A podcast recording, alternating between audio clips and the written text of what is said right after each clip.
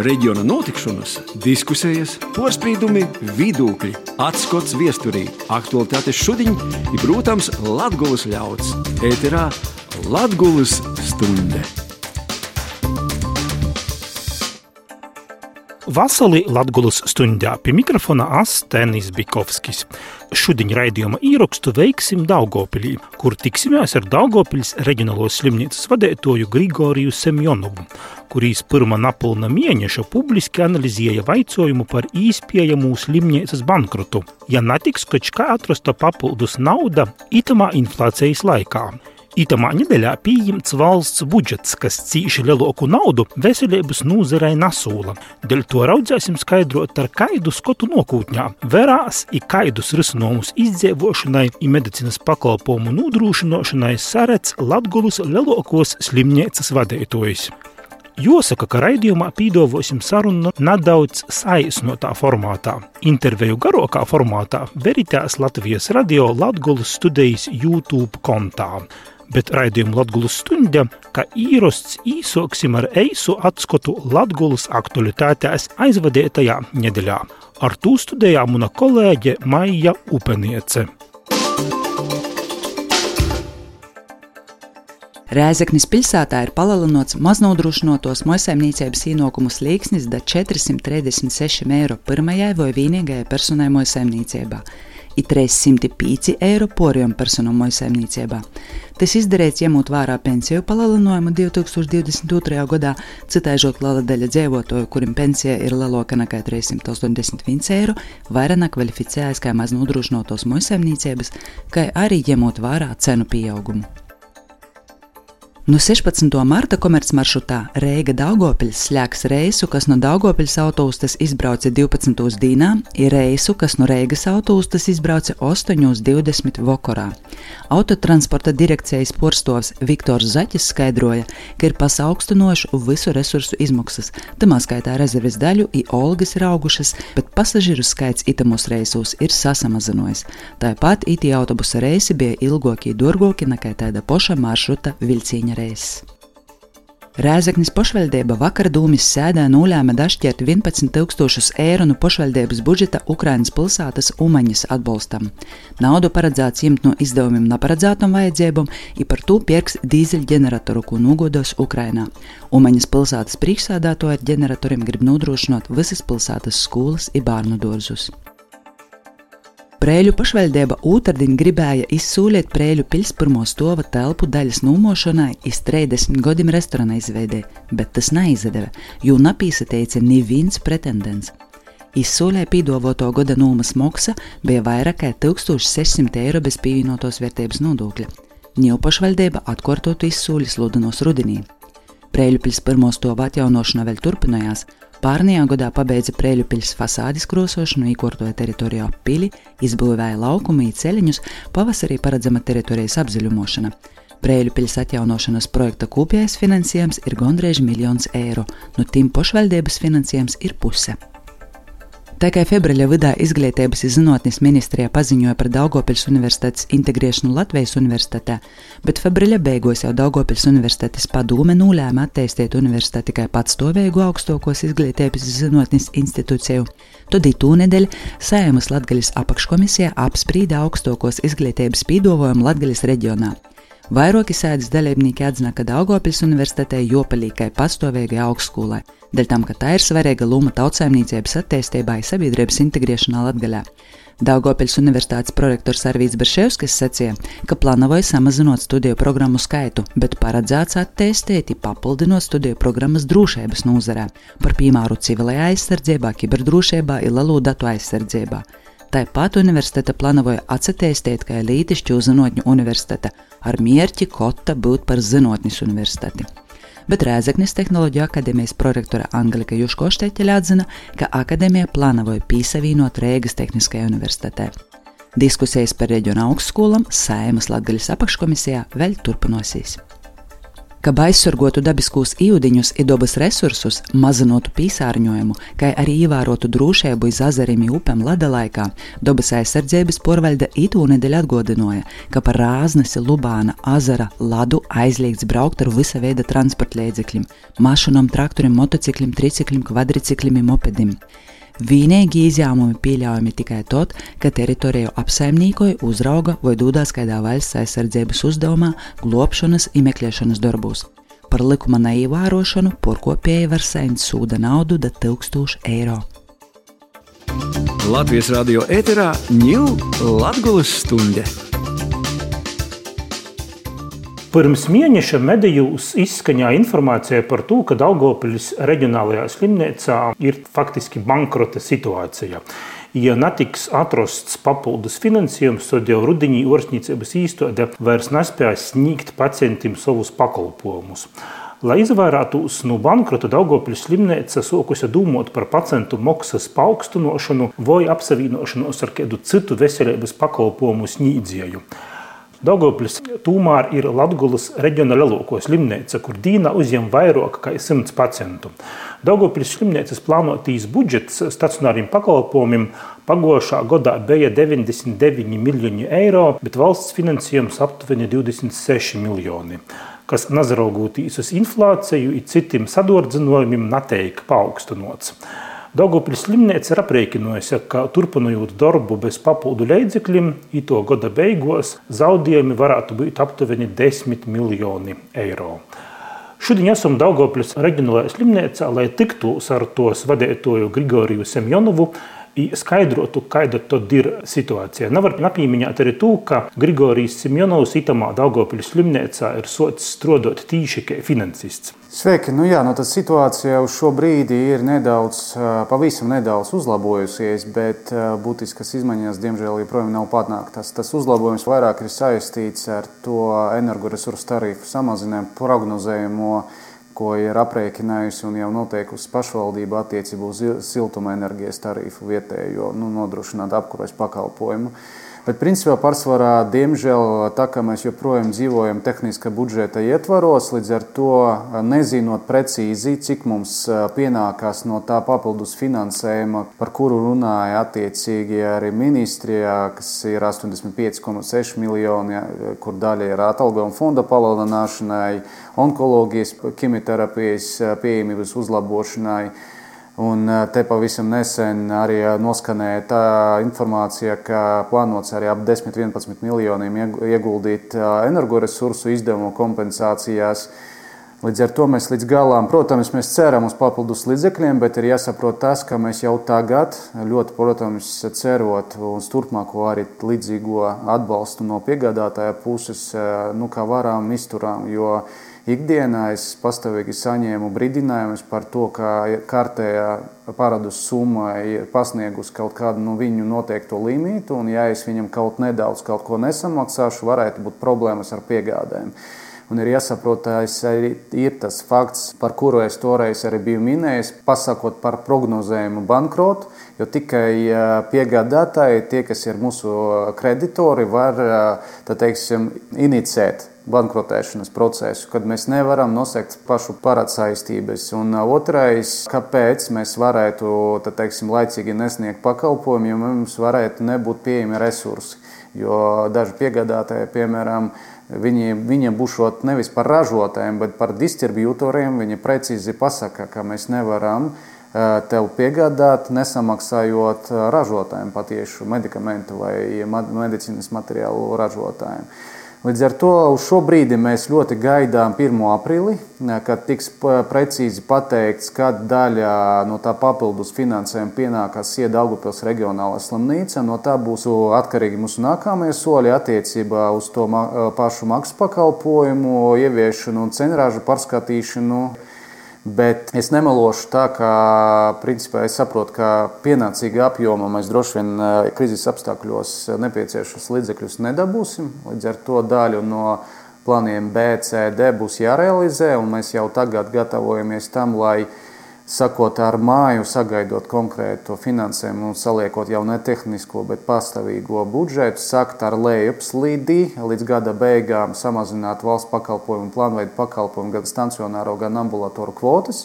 Un tad ar tādu pieaugumu līdz gada griezumam piedāvāt mūsu iedzīvotājiem aizvien plašāk maksas pakalpojumus ar vienu piebildi, ka, lai vairāk ar nodomu, lai sektu tekošas uztur, slimnīcas uzturēšanas mm. izmaksas. Jūs šo jautājumu par naudas grūtībām aktualizējat gandrīz pirms mēneša.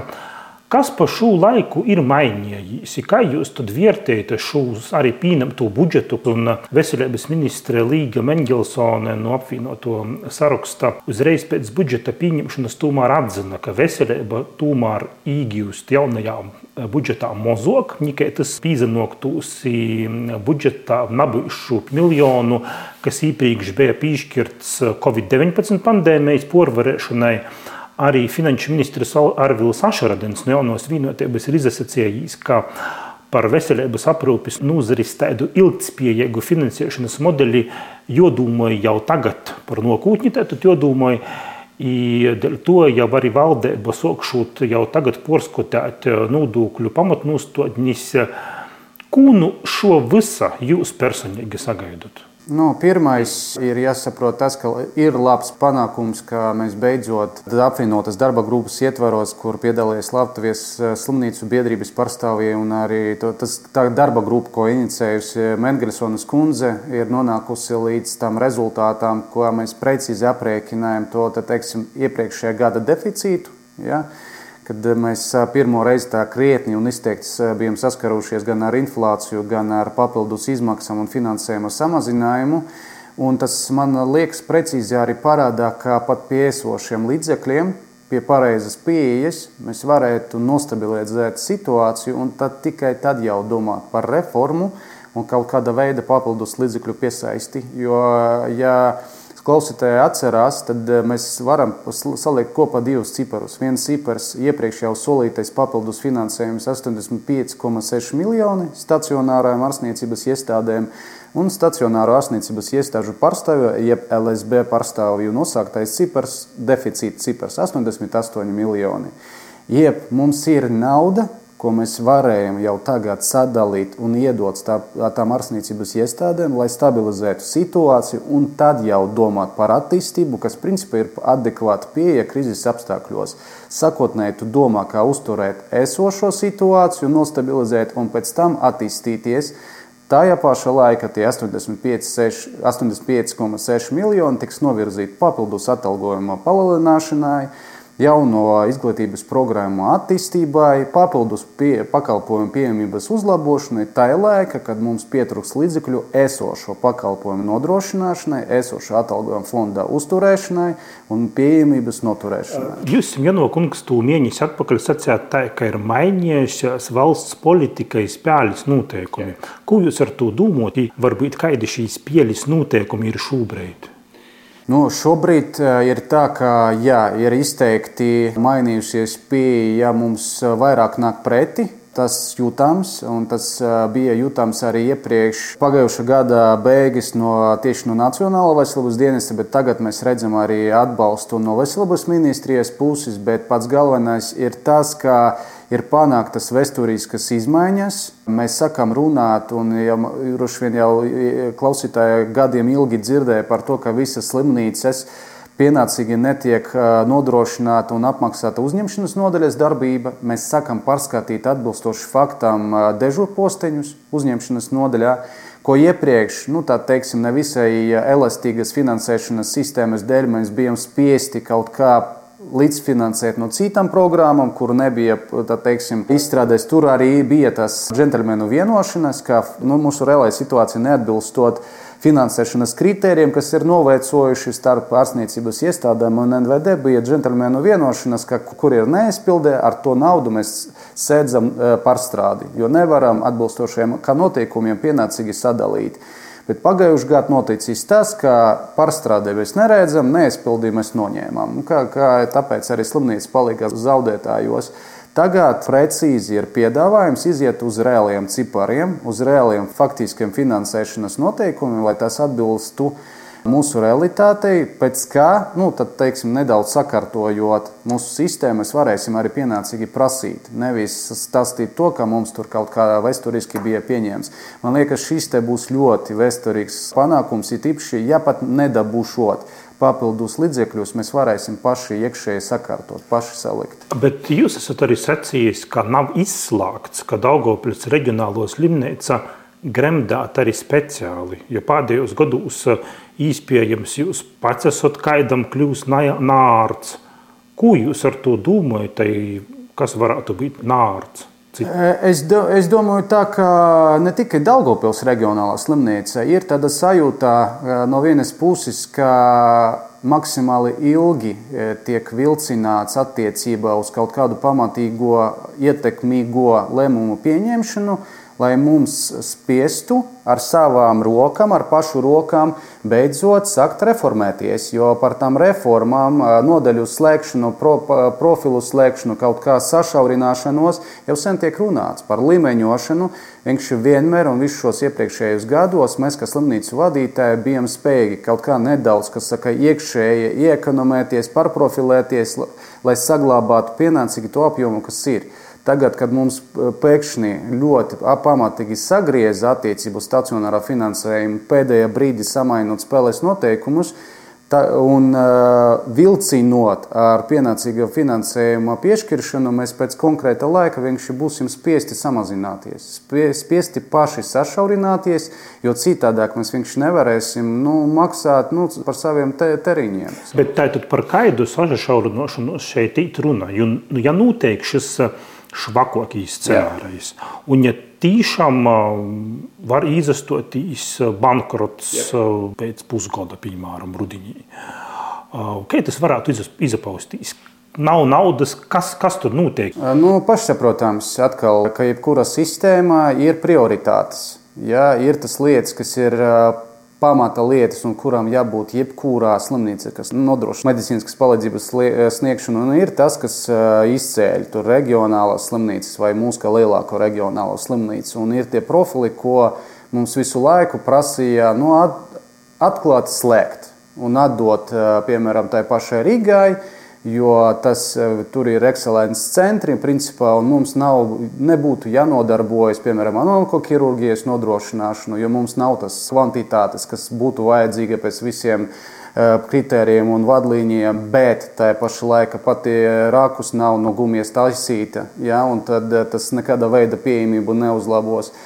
Ja mēs runājam par neiroķirurģiju, tā ir tas tautas valodā runājot, bankrots vai te maksāt mazpieeja varētu būt tāda, kā teikt, porvārtātas prioritātes un kaut kādas nodaļas vienkārši teikt aizslēgtas Un es te noprotu pēc jums, un sniegta tikai poša, sacāsim, nu, nāstīkumu, ko nakūto palīdzību. Protams, nu, mēs būsim spiesti pārskatīt resursu ietilpīgu pakalpojumu sniegšanu. Un tajā pašā laikā arī neatliekamas medicīnas palīdzības sniegšanas ietvaros attiekties no kaut kādām ļoti resursu ietilpīgām pozīcijām, vairāk pārliekot tā noslodzi uz NMPD un Rīgas Universitātes slimnīcām.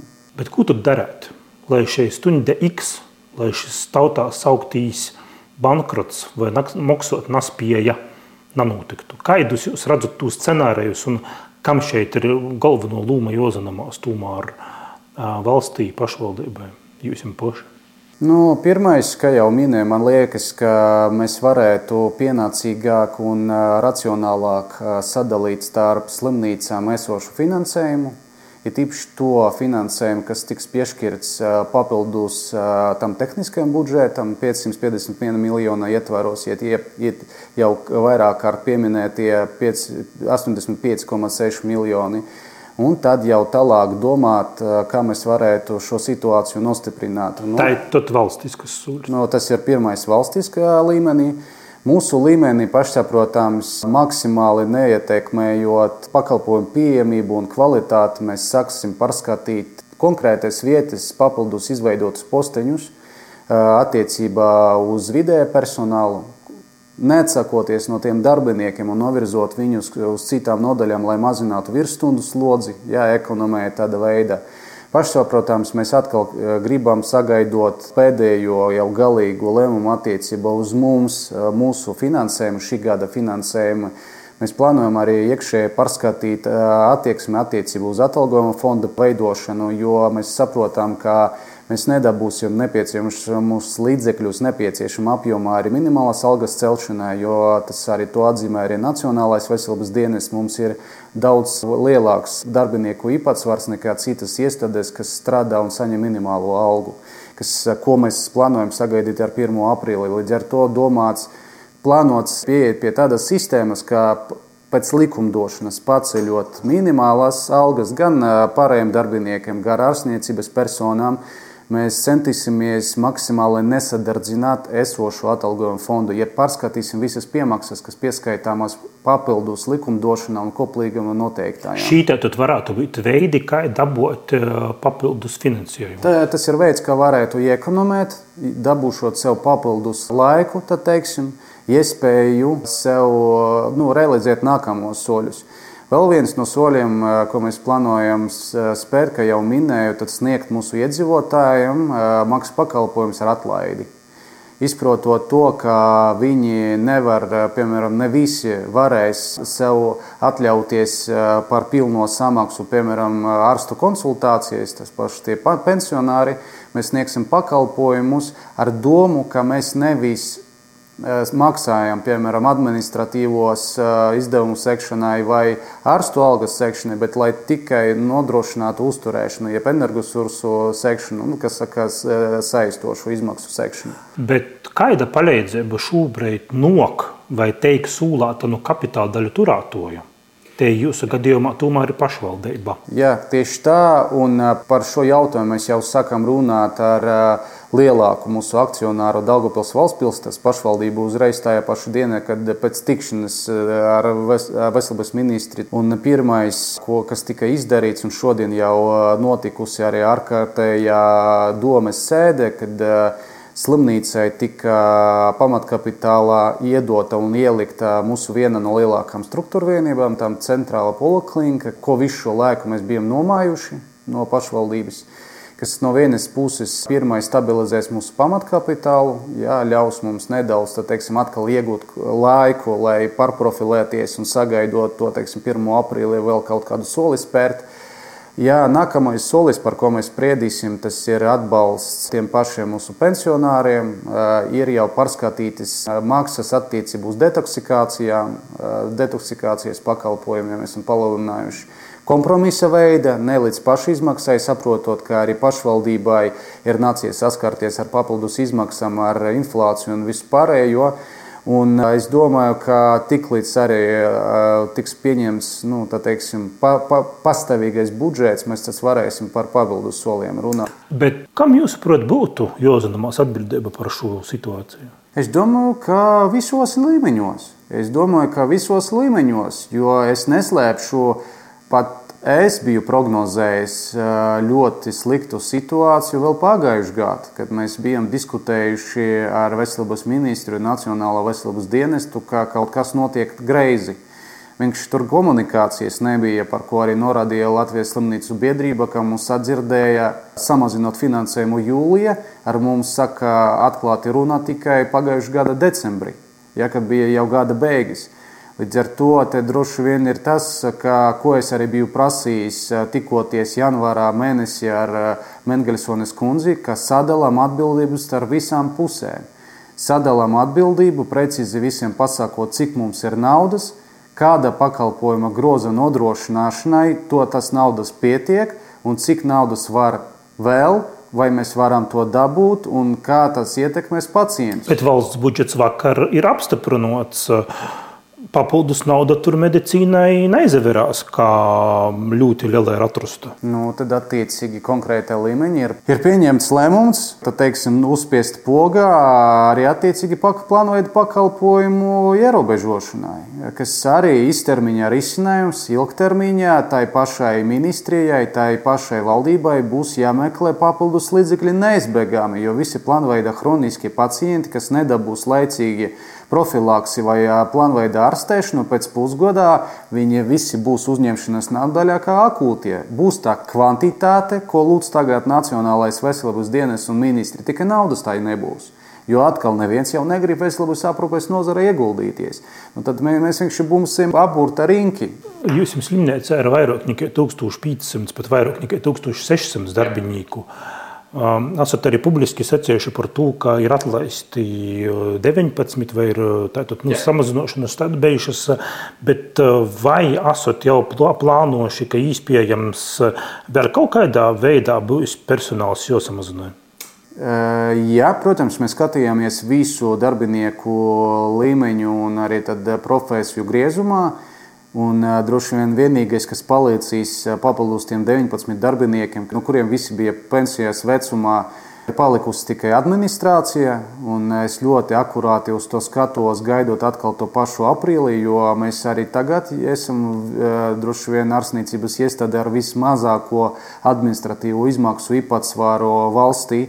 Un, tas nozīmē arī to, ka tas būtiski ietekmēs arī mūsu spējas pienācīgi teiksim, apstrādāt visus tos pieprasījumus, dokumentu aprīti un vispārējo. Bet ir jāsaprot, ka neviena ārstniecības iestādē nevar sev atļauties samazināt mediku skaitu. Jo atkal mediku skaitu ir jēga samazināt tikai tādā ziņā, ja tu samazini arī pakalpojumu klāstu, pakalpojumu skaitu. Jo, ja nesamazinot pakalpojumu klāstu, pacientu skaitu, tu samazini darbinieku skaitu, tu vienkārši audzināsi virsstundu darbu. Tad saka, sanāk to, tas, ka sakotnēji tu ieguldoties visāda veida pabalstu izmaksāšanā, atlaižot cilvēkus, pēc tam vēl ieguldīsies dubultī to nos, noslodzes sekšanai. Mhm. Līdz ar to, jā, mēs redzēsim, ka valstī, valdības līmenī ir ok un ir pieņemts tas, ka mēs eh, esam teiksim, spiesti ierobežot pakalpojumus, nu, tad no tā arī varēsim diskutēt, kā vai es varēšu kaut vēl papildus atlaist kādus darbiniekus vai ne. Bet tas ir ļoti stulbi un neloģiski visu laiku gadiem ilgi runāt par speciālistu trūkumu, izteikto deficītu, un pēc tam sakt viņus vēl papildus atlaist. Mm -hmm. Latvijas radio ēterā ņūl Latgulas stunde. Skaņa raidījums Latvijas stundai šodienas raidījumā par situāciju lielākajā Latvijas sorsnīcības īstenībā Daugopils reģionālajā slimnīcā sazarunājamies ar tos vadētoju Grigoriju Semjonovu. Tikko jūs pīzaskoratīs um, šim orstu vaicojumam, tam, ka trūkst uh, medicīnas darbinieku, te jau ir problēma pirmo gadu. Kāda šobrīd ir situācija ar medicīnas darbinieku skaitu? Daugopils reģionālajā slimnīcā, kuras varbūt ir tos akūtokos nūzaris, kur visvairāk vajag speciālistus? Nu, kā vienmēr ir pašsaprotams, ka jebkurām neatliekamas medicīnas palīdzības centram mums ir visdegošākais un visproblematiskākais. Tas ir viss, kas saistīts ar akūtas steidzamas ārstēšanas nodrošināšanu. Mūsu gadījumā, protams, tas ir joprojām trūks traumatologu, joprojām trūks ķirurgu. Pēdējos gados ir stabilizējusies situācija attiecībā uz anestezijas un reanimācijas profilu, kas mums līdzēja iespēju nostabilizēt gan operāciju bloka darbību, gan arī izveidot papildus reanimācijas zāli uzņemšanas nodaļā, lai ātrāk un operatīvāk nodrošinātu reanimācijas procesus akūtajiem pacientiem ir jāsaprot vispār, ka mums pēdējā gada, pagājušā gada laika mūsu ārstu skaits ir pieaudzis par aptuveni 50 slodzēm, ja nemaldos, pat vienībām, nevis slodzēm, ārstu skaits ir būtiski palielinājies, kas no vienas puses mums līdzēja samazināt virsstundu darbu, sabalansēt noslodzi un arī nodrošināt plašāku pakalpojumu sniegšanu, kas arī atspoguļojās Piemēram, tajā ziņā, ka pagājušajā gadā mums bija iespēja piesaistīt papildus līdzekļus, pateicoties, protams, tam pašam Nacionālajai veselības dienestam, 2,3 miljonu apmērā attiecībā, piemēram, uz to pašu ambulatoru pakalpojumu sniegšanu, kas parādā to, ka mēs bijām un esam spējīgi nodrošināt lielāku pakalpojumu pieejamību piesiešiem cilvēku resursiem. Bet vai Ukraiņu orsti vai Ukraiņu medicīnas darbinieki um, pie jums strādāja un cik daudz? Protams, jau uz esošo brīdi pie mums strādā 24 ārsti no Ukrainas, papildus tiem ārstiem. Tīši orsti. tieši ārsti. Viņi baigi palīdz. Un te varbūt dīvaini tas izskanēs, bet arī viņu vidū ir visvairāk anesteziologu.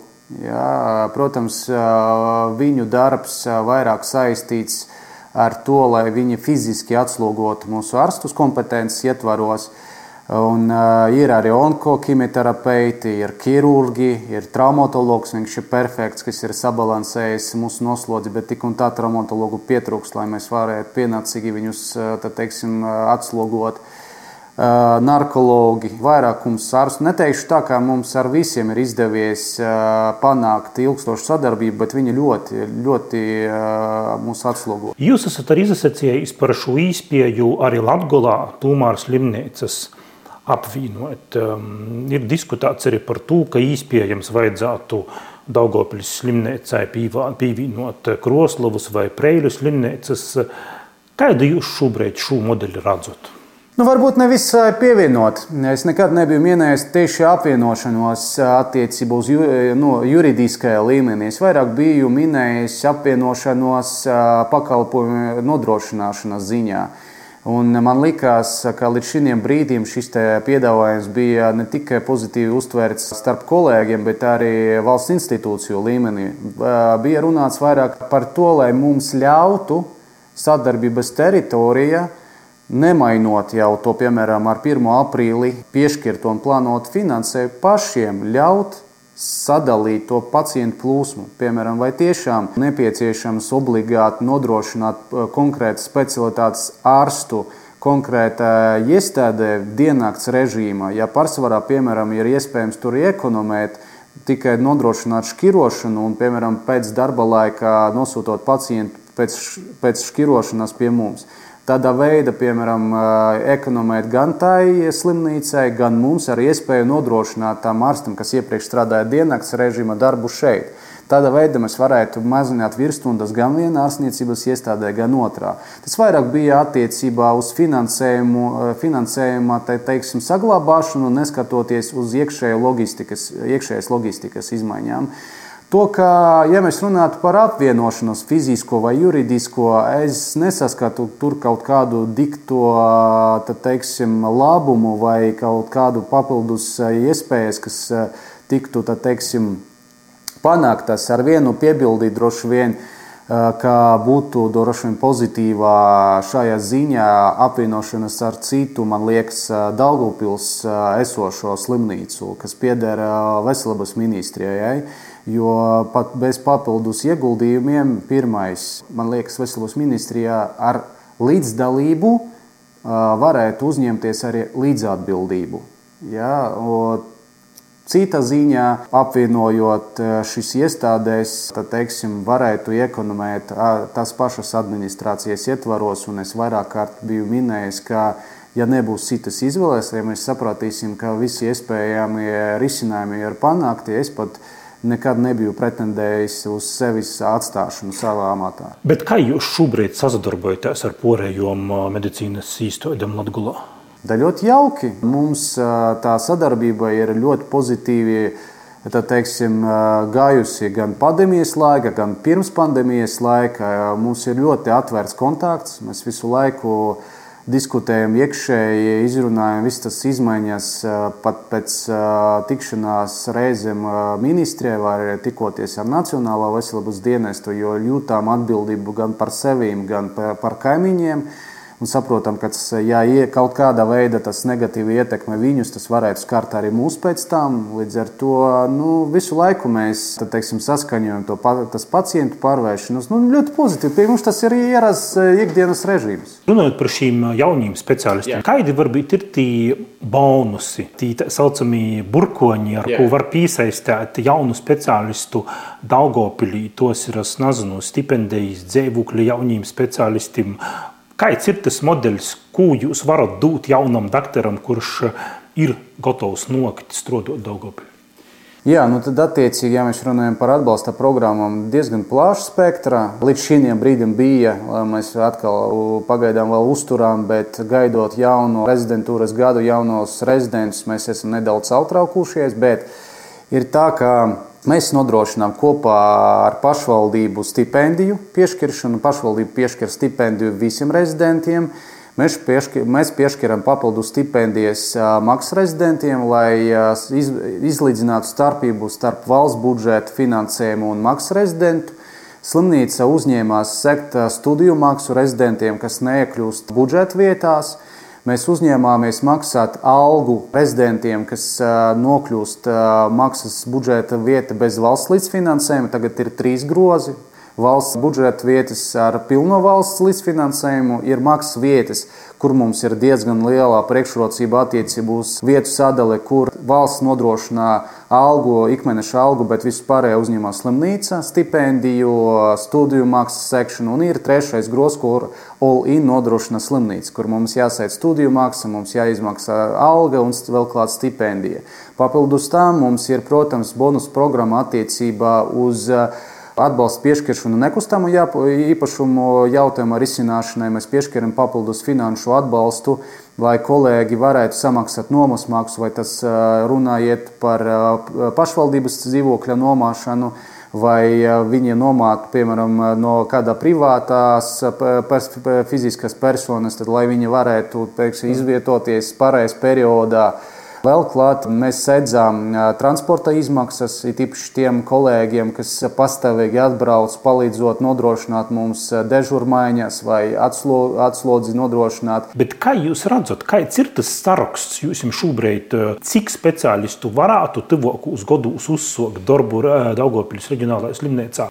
Jā, nu tad attiecīgi mums uz esošo brīdi rezidentūras ietvaros mācās un iegūst specialitātes ap 40 arstiem. Ja Dažādokas, dažādākā profilā divi traumatologi, vairāki anesteziologi, ginekologi, ķirurgi. Beidzot, mēs pagājušajā gadā bijām piesaistījuši vienlaicīgi trīs ķirurgus, uz ko mēs ļoti arī ceram nu, to latiņu noturēt šogad un nākamgad. Principā, neskatoties uz šo lietu, ir jāsaprot tas, ka mēs atpaliekam, pārsvarā atpaliekam, jo principā tie rezidenti, kas mācās, viņi pārsvarā bija piesaistīti pagājušā gada, aizpagājušā gada vai vairākus gadus atpakaļ, kad mēs redzējām konkrēti. Kad mēs eh, dzīvojam pēc konkrētas vajadzības vai pakalpojumu pieejamības, jo ir jāsaprot tas, ka palielinoties speciālistu sastāvam, pārsvarā aug arī slimnīcas vajadzība. Pēdējos mēnešos ir arī aktuāls jautājums par to, kāda ir valsts valodas, latviešu valodas uh, kāds zināšanu līmenis, daudzi pat pedagoģi ir aizgojuši, atlaisti no darba. Kā ir valsts valodas zināšanām mediķim, doktoram, medmosam, Daugopilī? Nu, kā, kā, kā kādām? Ir jāsaprot tā, ka Tāpat kā arī sabiedrība, tā arī mūsu mazajā sabiedrība, ja mēs runājam par slimnīcu, ļoti atšķiras. Tas latviešu valodas prasmēs no ārsta uz ārstu, no māsas uz māsu ir jāsaprot pašsaprotams tā, ka mums nav pamatā mūsu pilsētā vide, kur ikdiena cilvēki runā tikai latviešu. Ja? Līdz ar to varbūt tas prasmes nav tas tik izteiktāk, izteikti labas kā citviet. Bet... bet kā jūs vērtējat šos valsts valodas zināšanas arī mediķu vidā? Uzlabojot? Attiecībā uz sagatavotības līmeni. Jā. Pašsaprotams, nu redzams, ka no tās atbilstības C1 līmeņam, ko mēs nosacīti iegūstām, iegūstot augstāku līmeņu, nu vairākumam nav. Daugopils tomēr blokus Lietuvas republikai, jo Lietuva arī lielas pilsētas, Utena. Kāda jūs, jūs ir varbūt sadarbība ar kolēģiem Lietuvā? Nu, ar kolēģiem no Lietuvas mēs pārsvarā bijām realizējuši virkni pārrobežu projektu. Bijām tikušies arī toreiz, tas bija Kauņu republikāņu slimnīcas vadītājiem. Bijām centījušies vairāk kārt izveidot ciešāku sadarbību ar Zarasāju kliniku, jo viņiem mēs esam tuvākie. Jā, ja mēs salīdzinām ar Utēnas kliniku vai Viļņas kliniku ar tik plašu spektrā pakalpojumu pieejamību, un, piemēram, viņi, bija, viņi ciemojas arī šodien pie manis, jo mēs gracāmies ķerties pie kārtējā parobežu projekta realizācijas, attīstot mūsu sadarbību. Bet pārsvarā jāsaprot, jāsaprot tas, ka neskatoties to, ka Eiropas Savienības valstis it kā savā starpā viņiem nu, ir tas atvērtais tirgus, mums joprojām starp mums ir robežas. Ja? Un ir jāsaprot tas, ka pat viņu NMPD dienesta ar viņu brigādēm atvēstais pacients nu, nevar šķērsot tā vienkārši pat robežu. Ja? Bet vai sadarbības plāni īstenībās krīzes situācijās, starprobežu plāni pastāv? Nu, pastāvēja, un pat uh, atkal mēs pat centījāmies šķērsot to pašu robežu, izpētot uh, Valkas valgas gadījumu. Ja? Mēs bijām braukuši uz Valku valgu un uh, runājām kopā ar Zarasāju slimnīcu ar uh, Valkas uh, priekš, domas priekšsēdētāju, lai saprastu, kā mēs ar kaut kāda veida papildus juridisku nianšu sakārtošanu varētu viens otram palīdzēt. Cik zinu, Valkā un Valgā situācija ir tāda, kad uh, ir liela slimnīca Valgā, Jā. Valkā ir krītņi Mozokas medicīnas centrs un Valkā, ja nezakļūdus, ir viena NMPD brigāde un Valgā ir vismaz treis. Tas arī tūmār teicis. Tieši tā, un rezultātam mēs arī esam saka, nonākuši līdz tam secinājumam, ka neskatoties to, ka Valkai un Valgai ir īpašs izņēmumu gadījums attiecībā uz vairākām lietām, pat viņu gadījumā akūtas medicīnas nodrošināšana starp robežu teiksim, ir ļoti sarežģīts juridiskā ziņā. Tad, teiksim, tas, pasākums. Un it nav nevienas pilsētas tik tuvu. Tieši tā, tur ir pilsēta sadalīta pa vidu. Jā. Šis nelegālus imigrantu vaicojums, robežkarsoto vaicojums, ir arī masu mēdījos runots, kā ir cilvēkiem apsaldījumi bijuši.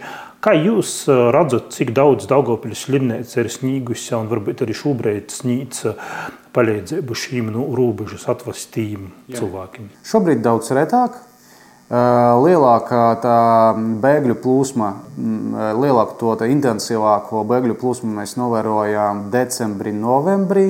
Nu, attiecīgi sakoties ziemai atbilstošiem laika apstākļiem, jo viņi pārsvarā iestājās ar apsaldējumiem. Principā mē, mēs nekāda veida nu, grūtības vai, vai, vai, vai, nezinu, vai problēmas ar viņiem nebijam redzējuši, jo pārsvarā tas turpinās pagāju, no pagājušā gada vasaras perioda, ja nemaldos. Mēs jau bijām pielāgojušies, jo sakotnēji vienīgā pamata problēma, kas bija saistīta ar bēgļu ārstēšanu un saņemšana bija saistīta ar komunikācijas trūkumu. Jo ir jāsaprot tas, ka nevi, nevienā, ja es nemaldos, tikai trīs tūki vispār Latvijā ir no kurdu valodas. Tā tad saprast, kas viņam sop, kas viņam nesot, jo viņam ir grūts komunicēt. Tieši tā, jau nerunājot par to, ka viņi nemāk pārsvarā rakstīt un ierakstīt kaut ko Google, piemēram, lai pēc tam būtu iespējams pārtulkot, ir ļoti grūti, bet mēs bijām pieņemuši ļoti vienkāršu lēmumu. Mēs viņus bijām skanējuši no pēdām līdz galvai pilnībā izmeklējot katru, lai nepalastu kaut kādu iekšējo slēptu slimību. Līdz ar to līdz šī pieeja diezgan labi strādājusi. Mm -hmm. Ne visi slimnīcu vadītāji ir tik atklāti, tikai jūs. Jūs uzskatāt sevi iespējams par tādu nārtu slimnīcas vadītāju. Jūs porcelāna sakot to, ko domājat, jūs atklāti arī runājat par problēmām. Kā, kā jūs to situāciju pret sevi jūtat? Esat sasaskorījis ar kaut kādiem pormatumiem atkal gluži otrādi ar vairāku uzslavumu? Nu, tur droši vien ir jāsaprot, galvenā atšķirība droši vien ir saistīta ar to, ka maniem kolēģiem ir daudz vairāk darba nekā man.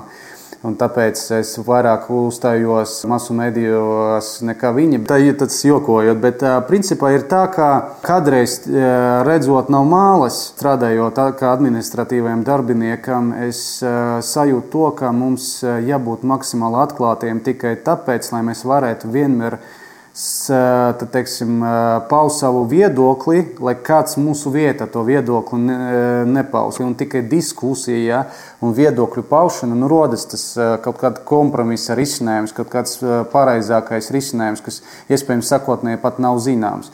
Bet, jā, protams, man pārmēta vairāk kārt, ka es cenšos dabu, iegūt slavu, Man, mani vairāk kārt ievietojas, nemaldos, arī vairāku partiju sastāvos, kā tas ir pirms vēlēšana mana kaut kāda programma. Un pats galvenais ir tas, ka, nu, ka man, es teikšu tā, visi uzskata, ka tas man ļoti patīk. Ja? Pavisam nē. Es ļoti jūtos nedroši, kāpēc es ļoti bieži pat nevaru cilvēkiem skatīties acīs, jo es esmu pierādījis strādāt ar cipariem un papīrīšiem. Esmu finansists. Ja? Bet es uzskatu, to, ka ja me, iespēja atklāt, komunicēt ar masu mediju pārstāvjiem, tā vienmēr ir iespēja sevi aizstāvēt, aizstāvēt mūsu slimnīcu un cilvēkiem nodrošināt vairāku pušu un vairāku viedokļu pieejamību, no kuriem viņi jau spēs izvēlēties viņam to tuvāko un pareizāko droši vien. Jūs par šo aktivitāti arī saņēmat valsts augstāko apbalvojumu. Um, kolēģi, žurnālisti arī jūs ir saukuši par krīzes laika kapteini. Tas pārspīlējot nedaudz. Droši. Bet kā jums šobrīd izvērās? Vai šobrīd ar šo krīzi arī jūs tiksiet galā, vai būsiet arī šo šos finanšu krīzes laika kapteinis? Uh. Vai tomēr ir kāda, kāds brīdis, kad liekas, ka nē, es esmu gatavs uzrakstīt atlūgumu, aiziet un, un, un teicīt jūs galā pošu? Jau vairāk kārt gribējās tā izdarīt, jo par esošu problēmu un krīzi es domāju vairāk nekā jau pusgadu, sakot ar pagājušā gada jūliju. Nav joprojām precīzās atbildēs, kā ir jārīkojas un kas būtu jādara, un vai esmu darījis visu un vienmēr laicīgi, lai to novērstu, to krīzi un esošo situāciju. Droši vien, protams, ir cerības, ka mēs varēsim kopīgi uzņemoties atkal atbildību gan valsts līmenī, gan vadītāju līmenī visiem pieņemot ne, nepopulārus kaut kādus risinājumus, vieniem paškirot vairāk naudas, otriem kaut kā saspiežoties, iztikt no šīs situācijas, bet es saprotu un labi saprotu to, ka ja es eh, netikšu galā, nu droši vien tas varētu būt arī deadline manai šīs iestādes vadīšanai, un tas arī nozīmēs to, ka neesmu ticis galā.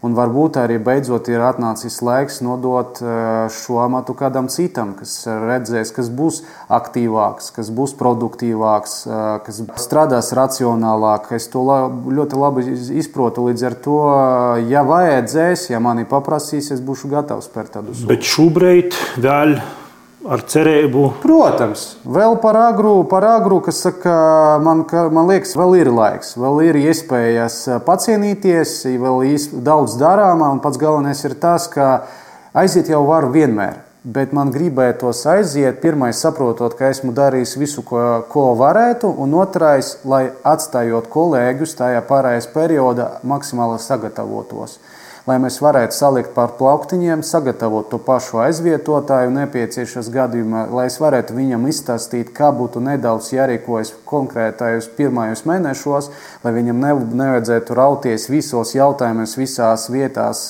visos turos vienlaicīgi.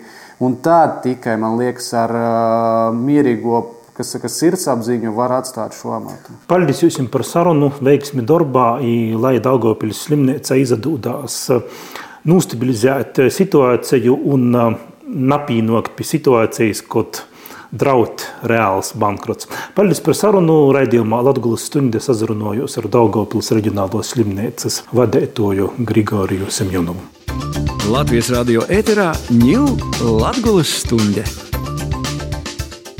Pilnu interviju ar Daugavpils reģionālo slimnīcas vadētoju Grigoriju Semjonovu Veritās Latvijas radio Latgulas studējas YouTube kontā, bet ņivar kultūras notikšanam tuvokom dīnam studējā Laura Sondore. Napalaid garam! Kultūras pasauciņa apskats tuvokajam dīnam! Vasali Latgulas stundis klausētoji! Namainīgai itamā vītāja laikā pavēstējuši jums par labākajam kultūras notikšanam pie mūsim. Šodien sešos Latvijas viesnīcībā Gors izrāda kalendārs mani sauc. Valmīras drāmas teātris aktieri izstostējis stostu par Andra Kalnozola spūžo idzēvi aplīcinošo debijas romāna kalendārs mani sauc galveno raksturu Oskaru. Bet ar teātris izrādi šodien Rezaknē visa kultūras dzēve nebūtu neapsarūbežojās.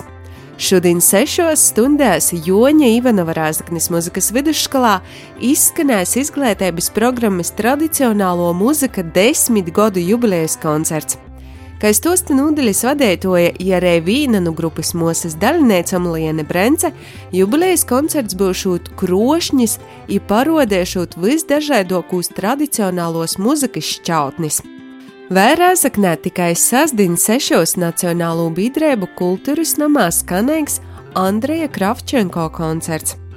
Andrejs Kravčenko ir ukrāņu mākslinieks, dzīsma autors. Tagad mākslinieks ar labdarības misiju dodas turnīrā ar koncertiem ne tikai Ukrainā, bet arī ārzemēs. I koncerta gostus Rēzaknē gaida deju dzīsmes, dvēseliskas balādes, jaunākos dzīsmes Andreja Kravčenko izpildījumā. Nu, ir tā, ka tāds ķirsis tortis reiz sešos Latgulas viesnīcē Bāgors, šipsī koncerts Silto gaisma. Koncerta programmā Junis Šipkevičs apvienojas dzīsmes, kas pa jām atspoguļoja mīlestības temperatūras plašu diapazonu. No Rāņa meitinis ar lada acīm līdz korstē kvēlē. Taidi lūk, brangi pasaukumi rēzaknēm. Bet Daugopilī, precīzāk Daugopils novatpietnīcības mākslas muzejā, ir tikko atklāta mākslinieci Maijas Potgīteres vitrāžu izstāde Numūda sapeni. Vitrāžas teika eksponātas pirmo reizi te ir mākslinieces pirmo izstāde. Interesants pasākums vēl sīvīšu dienas atskaņos sūlās būt šodien septiņos vakarā Preļu novada Pelieču kultūras namā. Sīvītis personība Savajos stostos dalīsies interesantas personības. Maizes muzeja saimniece Vija Kudiņa, saimas deputāta Anita Brakovska, dzīvošo gide Irēna Kjarkuža un vēl citas interesantas personības dāmas. I vakara muzikālai bogotinos skanēgo balsa īpašnieks Dains Skuteļs bet Rēzaknis novada Nautrānu sporta hallē. Reit 12. dīnā notiks erudīcijas spēle no troki gudris. Dasdelēšanos spēlē solās būt ļusteiga, izzinoša, erudīta, jātjautēga. Par to ir porlīdzinota spēles idejas autore, Nautrāna pogasta kultūras pasaukuma organizatore Inga Vigule. Es domāju, ka pasākums būs ļoti sirsnīgs, par to, ka galvenais ir nu, vienmēr uzvar draudzība. Tāpat arī mēs noskaidrosim nu, troki gudroku komandu. Tāpat būs arī muzikāls porsteigums. Pati spēle notiks tādos kā trīs daļos. Pirmā daļā būs jautājumi par Latviju, otrajā par latgali, kur tiks izmantota jauno spēļu pirksnīca, un trešo daļa būs, manuprāt, visinteresantākā, tie būs par neutrānu pogostu jautājumi. Jautājumi ir nu cīži dažādi. Ar cīņu interesantām atbildēm, gan vieglāki, gan sarežģītāki, bet jebkurā gadījumā ļoti interesanti. Igolā vēl par kādu īpašu notikšanu mūsu pusē par Pirmā pasaules kara muzeja atklāšanu. Ar simbolisku nevis tradicionālos svinīgos lentētis porgrīšanu, bet dzelūņa stīplis porknīpšanu pagājušajā nedēļas galā durvis atdarīja jaunizveidotais Pirmā pasaules kara muzejs Madumus. Muzejs soka darbu laikā, kad pasaulē valda karš, Ideja tam, tam ir arī tāda simboliska jāga. Tā atklāšanā saka augstdaugavas novada pašvaldības īstodis tāka direktors Rolands Gratkovskis. Ar šo muzeju maksimāli ir jācenšas parādīt kara šausmas. Maksimāli ir jāparāda to, cik karš ir bezjēdzīgs. Maksimāli jāparāda to, ka to nedrīkst atkārtot. Nelabvēlīgiem laika apstākļiem mēs radījām iespējas sajust ārā ierakumus, bunkurus, telpā iekšā siltumā un uh, labos apstākļos, un savukārt uh, plašākā teritorijā iziet uh, vācu bunkurus, kas Latvijā tik lielā koncentrācijā un tik labā stāvoklī diez vai kur citur ir saglabājušies. Ar to arī mēs nedaudz atšķiramies no citiem uzņēmumiem. Paldies Rolandam Gratkovskim par iespēju drupēt izvērtīs tikko atdarētajā Pirmo pasaules kara muzejā Madumus. Tādas lauka kultūras notikšanas itamā nedēļas galā mūsu pusē, lai jums brīvīgas izdevušos brīvdienas! Paldies Laurai Sonderē par kultūras notikšanu apskatu. Raidījums Latvijas stunda izskaņa pie raidījuma strodoja Tenis Bikovskis, Renāte Lazdiņa, Maija Upenieca, bet par skaņu godo Ints Salmiņš. Klausītājs itu un citus raidījumu izlaidumus, kā Latvijas radio sātaslapa internetā, tāpat arī raidījumrakstu straumēšanas vītņās, kā arī Latgulas studijas YouTube kontā. Visu jums labu īsasdzirdēšanos citu nedēļu! Reģiona notikšanas, diskusijas, porcelāna, vidūkļi, atskats viesturī, aktuālitātes šodien, protams, Latvijas ļauds. Ēterā Latvijas stunde!